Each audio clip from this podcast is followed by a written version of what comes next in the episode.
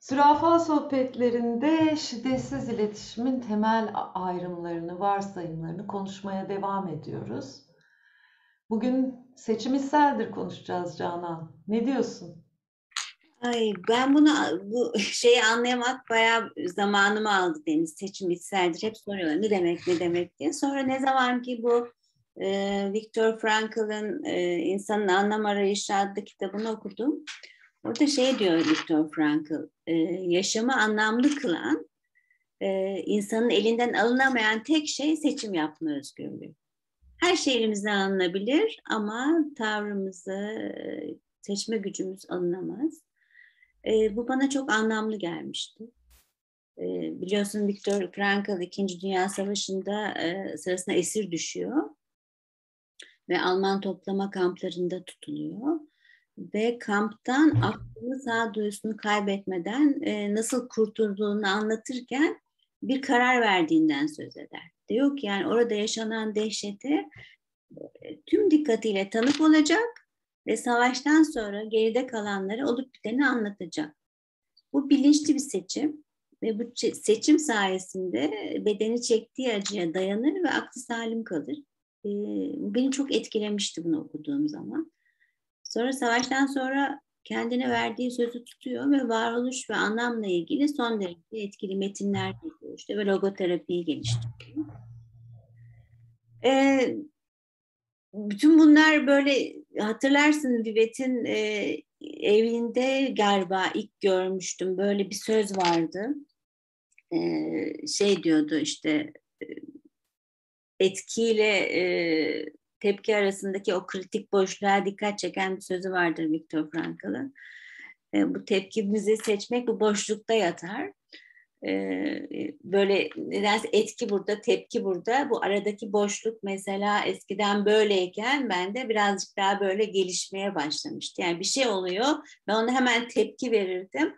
Bu sonra aa, o zaman yani bunu 10 sene önce bunu anlamazdım. Ne demiş bu adam diye etki ve tepki arasındaki o boşluk ve oradaki senin e, tepkimizi seçme gücümüz boşlukta yatar ve özgürlüğümüz bu gücü nasıl kullandığımıza bağlıdır. Allah Allah ne diyor ne diyor diye anca anladım. Anladım. Benim böyle biraz anlama şeyim yıllar geçtikçe oluyor. Ee, ve ondan sonra da hep sorarım yani kendime ya bir dakika ya nasıl bir seçim yapıyorum? O seçim nedir? Yani o seçim yapma gücünü eline almak çok müthiş bir, şey bana göre. Bilmiyorum. Sen sende nasıl e, bütün bu dediklerim? Ya öncelikle şeyi söyleyeyim Canan. Şimdi Viktor Frankl'ı hatırlattığın zaman ve onun yaptığı seçimi hatırlattığın zaman ben burada otururken tüylerim diken diken oldu. Ve böyle göz kafesim açıldı. Şey, böyle şey gibi omurgam yükseldi, dikleşti insan olmanın onurunu hatırladım. Yani deniz olmanın, canan olmanın, Viktor Frankl olmanın değil de insan olmanın onurunu hatırladım. Ee, o yüzden şu an böyle hakikaten ya falan gibi bir laflar var içimde. Ee, hakikaten de şartlar ne olursa olsun kendi tavrımızı seçebileceğimiz çok kıymetli.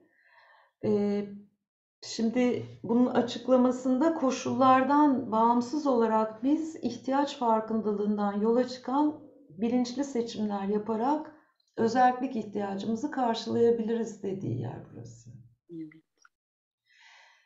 Ee, bu noktada bu etki ve tepki arasındaki boşluk meselesini e, ben de çok düşünüyorum. Yani bir dışarıdan uyaran geldiğinde o boşluktaki alanda benim seçim özgürlüğüm yatıyor çünkü. İşte orada yani konforlu duygular olduğunda bir problem yok. Ama hakikaten baş etmesi çok zor şeyler olduğunda hayatta benim öğrenebildiğim kendimi bir böyle önce kabul etmek. Yani seçim yapabilecek durumda değilim şu anı bir görmek. O da Ee, bizim tabii bedenimizde, içimizde bir sürü bir şey oluyor. Yani dışarıdan bir tepki geldiğinde, ben korktuğumda, utandığımda ya da öfkelendiğimde benim bedenim bir şeyler yapıyor. Neokorteksimde bir şeyler oluyor. Frontal lobda bir e, temassızlık oluyor. Bu şey gibi artık korona nedeniyle herkes internetle çok aşırı neşir oldu. O yüzden e, tahmin ediyorum anlayacaklar. Hani bu internetin unstable verdiği haller gibi oluyor. İşte o noktada bir eylem yaptığımda belli ki ben onu kendi merkezimden, kendi ihtiyaçlarımdan filan hareketle yapmıyorum ve sağlıklı bir şey de sonuçta vermiyor. Ama durabilirsem, şartlar ne kadar kötü olursa olsun, kendim destek yani kendim kendime destek olamıyorsam, destek alabilirsem merkezime gelmek için bu şiddetsiz iletişim desteği olabilir, e, empatiyle tutulmak olabilir, e, somatik deneyimleme olabilir, bir dostun tavsiyesini e, duymak olabilir. Her şey olabilir. Destekten de kendimi merkezime getirmek için ne gerekiyorsa onu yapmayı anlıyorum. O zaman neyi neden yapacağımı hatırlayabiliyorum ve o noktada bana şiddetsiz iletişimin dört adımı çok destek oluyor. Yani şeyi bildiğimde tetiklendim, sağlıklı bakamıyorum mevzulara. Bir durayım bakayım deyip ondan sonra ben gözleme gidebiliyorum. O anda ben gözleme gidemiyorum. O yüzden o boşluğu hatırlatman da benim için çok kıymetli. Mesela bazen şeyi yaşıyordur bizi dinleyenlerde. Bir şey oluyor hayatta ve çok ani karar veriyorsun. O verdiğin kararı utançtan, suçluluktan, görevden, mecburiyetten veriyorsun. Ondan sonra onun sonuçları çok ağır oluyor. Evet. Hem kendin için hem diğerleri için. Yani, Hakikaten çok ağır oluyor. Aynen öyle ve o yüzden de seçim yapmayan, seçim yapmaktan da bir kork, korkan bir durum oluyor bazen. Yani seçim yapmak çünkü bir sorumluluk almak. Bir yaşama sorumluluğu ve her seçimde de bir potansiyel orada bir pişmanlık pişmanlık da olabiliyor yani. Hay Allah böyle şey yapsın diye. Yani bazen de hayatta öyle koşullar oluyor ki yani önümüzde sadece bir tek seçenek var. Ee, sen de bugünlerde yaşadığın bazı olaylarda yani tek başka seçenek yok. Böyle durumlarda bile tavrımızı seçme konusunda özgürüz. Yani o çok hoş bir şey. Yani Frankl'ın da dediği de bu. Yani onu toplama kamplarında tek bir şey hayatta tutuyordu. O da psikolojik özgürlüğüydü ona o zor şartlarda anlam bulmasına ve yaşamına devam etmesine yardımcı oluyor böyle bir şey. O yüzden bu böyle şeylerde ben e, favori konum biliyorsun şükran. Şükran gibi bir şey var hayatımızda ve öyle bir kaynak var. Orada duruyor. Bu kaynaktan her zaman yararlanabiliriz ve hayatın anlamı da orada geliyor. Yani e, o kaynağa bağlanabiliriz. Her zaman şükran duymak her şey iyiyken değil. E, her şey kötüyken de şükranı görebilmek. Yani o bunu söylerken bile böyle duygulanıyorum. Çok enteresan. Yani o büyük resmi görebilmek gerçekten çok bana çok kıymetli geliyor. Ve şiddetsiz iletişimin bana kazandırdığı şeylerden biri de yani seçim yapıyorum, onun sorumluluğunu anlıyorum. E, kaybettiğim şeylere artık suçluluk, pişmanlık değil, onun yasını tutmayı öğrendim. Ha, evet, o yas tutmak. E, çünkü kaçarsan seçim yapmaktan o zaman e, insanlığın en yani insan olmanın en önemli özelliğini de kaybetmiş oluyorsun. Daha az yaşıyorsun, daha e, ne bileyim anlamlı bir hayatı seçmiyorsun. E, az seçim yaşarak yaşamak da bir seçim belki de. Her seçim bir vazgeçiş belki de. Bilemiyorum ama yani seçim yapmak, o seçim yapmanın gücü çok çok kıymetli. Dilerim herkese bu şeyi bağlantıya geçebilir. Bütün bu söylediklerimiz belki birilerine aa evet ya diyebilecek bir şey olabilir belki de bilemiyorum. Yani şimdi bu senin söylediklerini dinlerken iki üç şey canlandı içimde. Bir tanesi Viktor Frankl'ın söylediği aslında şunu yapıyor. Yani hayatta kalacağım ve buradan çıktığımda burada neler yaşandığını bütün insanlığa anlatacağım. Şimdi bunu söylediğimde benim e, hakikaten gözyaşlarımı zor tutuyorum şu an. Nasıl bir kuvvet var orada? Kuvvet, güç var. Yani insan onurunun gücü var. O noktada güç tanımı geliyor benim aklıma. İhtiyaçları karşılamak için harekete geçirebileceğin kaynakların kapasitesi diyor. Ve onu, orada şeyi düşünüyorum. Yani bizim anlamamız, idrak etmemiz bile çok zor. Nazi kampında bir insanın ne kaynağı olacak da harekete geçirecek diye düşünebilir insan. Çünkü çok acı. Ama var işte içimizde bir güç var.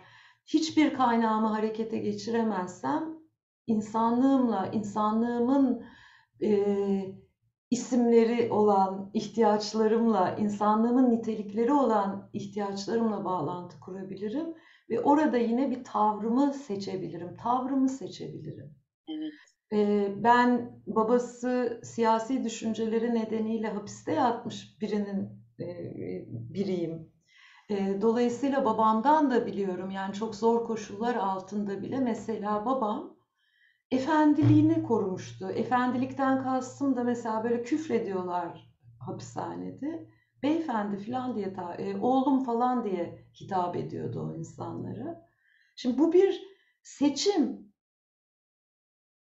Ve burada da onun niyeti de hayatta kalmak ve oradan çıktığında kendi inandığı biçimde yaşamaktı.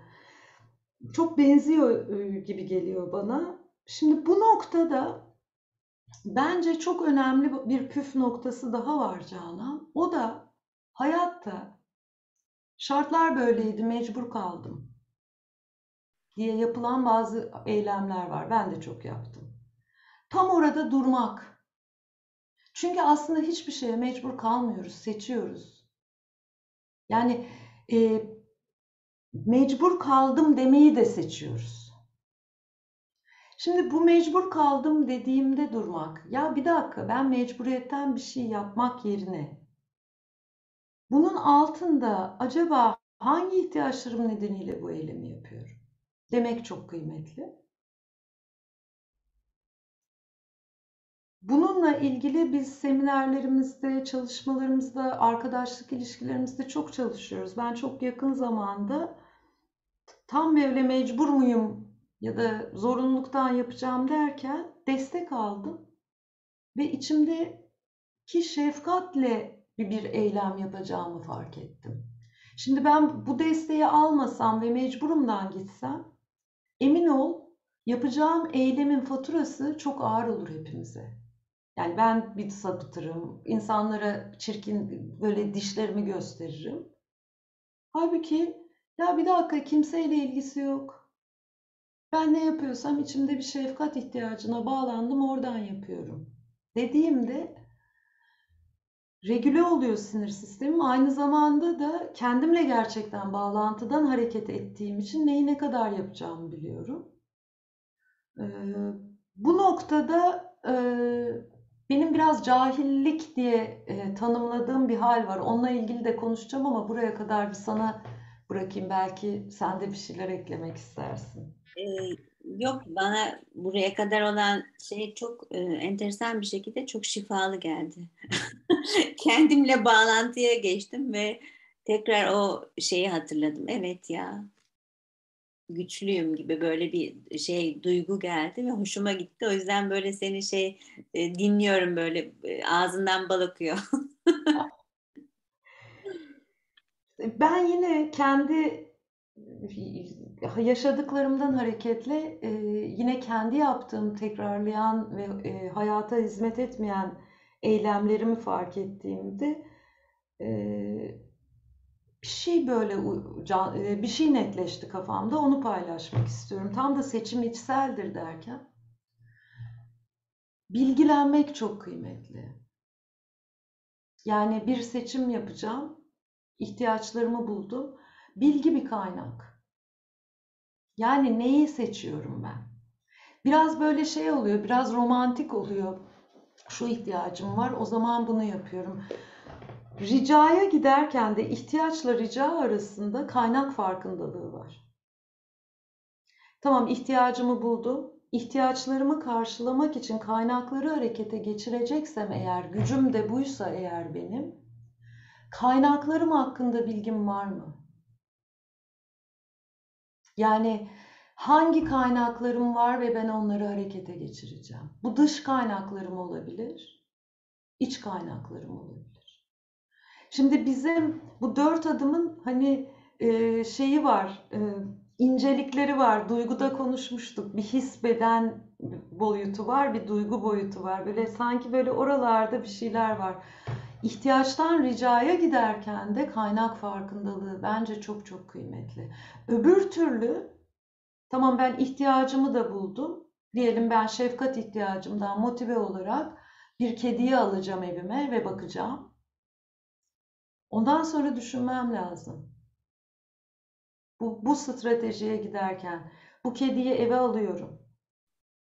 Peki ben kedilerle ilgili bir şey biliyor muyum? Ne kadar biliyorum? Ayda kaç para masrafı olur? Benim kedi alerjim var mı, yok mu? En az 15 yıl boyunca bu kedi yaşarsa 15 yıl boyunca taahhütüm var mı bu canlının hayatının sorumluluğunu almaya?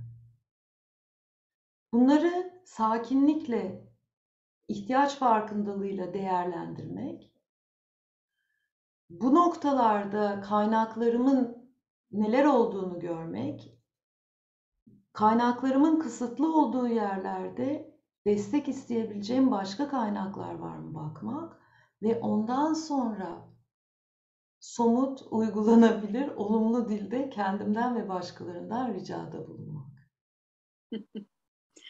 Benim bulabildiğim bu. Evet, adım adım öğreniyoruz işte. Ne bileyim o boşluğu gittikçe böyle büyütüyoruz belki de. Yavaş yavaş mühim olan niyet etmek bence ve kaynaklarımızın olduğuna şükrediyorum. Viktor Frankl'a ve babana Allah rahmet eylesin diliyorum.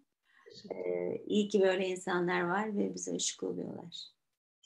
Evet. O zaman görüşmek üzere. Görüşmek üzere.